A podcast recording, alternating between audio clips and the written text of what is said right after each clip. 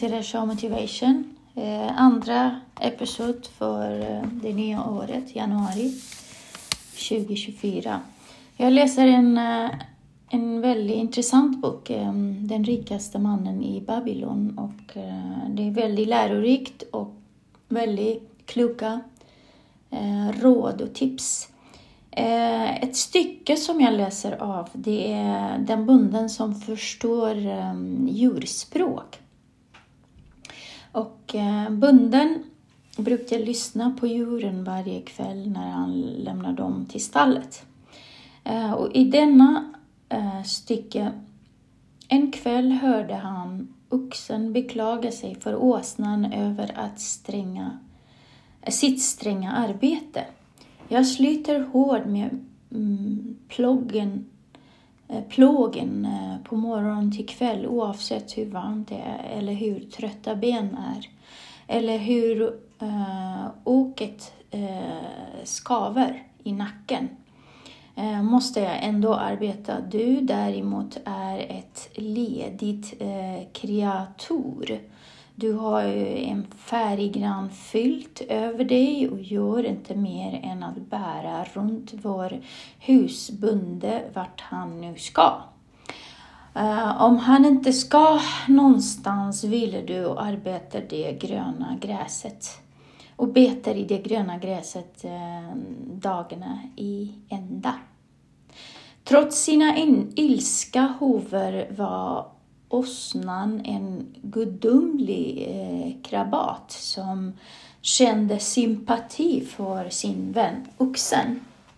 Min gode vän, sa han, du arbetar i sanning hård och jag skulle vilja hjälpa dig. Där, därför ska jag berätta hur eh, du kan få en dags vila. När slaven kommer för att hämta dig imorgon och eh, spänna dig för plågen lägger du dig på marken och råmar så mycket så han ser att du är sjuk och inte kan arbeta. Oxen lydde åsnans råd och nästa morgon återvände slaven till bonden och sa eh, honom att oxen var sjuk och inte kunde dra plågen. Nå, sa bonden, spänn då åsnan för plågen, för plågningen måste fortsätta. Eh, hela dagen fick åsnan, som ju bara hade velat hjälpa sin vän oxen, slita med oxens arbete.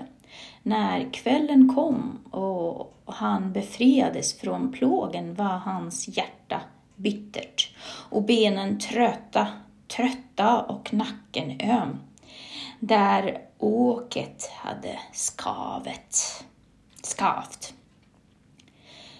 Bunden dröjde sig kvar i stallet för att lyssna igen på sina djur. Oxen började så. Du är en god vän, tack vare ditt kloka råd har jag fått en dags vila, sa oxen till eh, eh, åsnan. Uh, och ja, svarade åsnan, är så många andra än godhjärtat en som börjar med att hjälpa en vän och slutar med att sköta hans arbete åt honom. I fortsättningen får du dra din egen plog. plog. För jag hörde eh, husbonden säga åt slaven att skicka efter slaktaren om du skulle eh, bli sjuk igen. Jag önskar han gjorde det. Eh, För du var med en lat än. Därefter talade de aldrig med varandra och detta var slutet på deras vänskap. Kan du säga mig scenmoralen i den här eh, eh historien eller situationen? frågade en man. Den här är en bra historia, svarade den andra kompisen eller vännen. Men jag ser inte lärdomen. Det trodde jag inte heller att du skulle, sa han. Men det finns där eh, och är väldigt enkelt. Den lyder så här. Om du vill hjälpa din vän, Gör det på ett sådant vis att du inte tar på dig vännens bördor.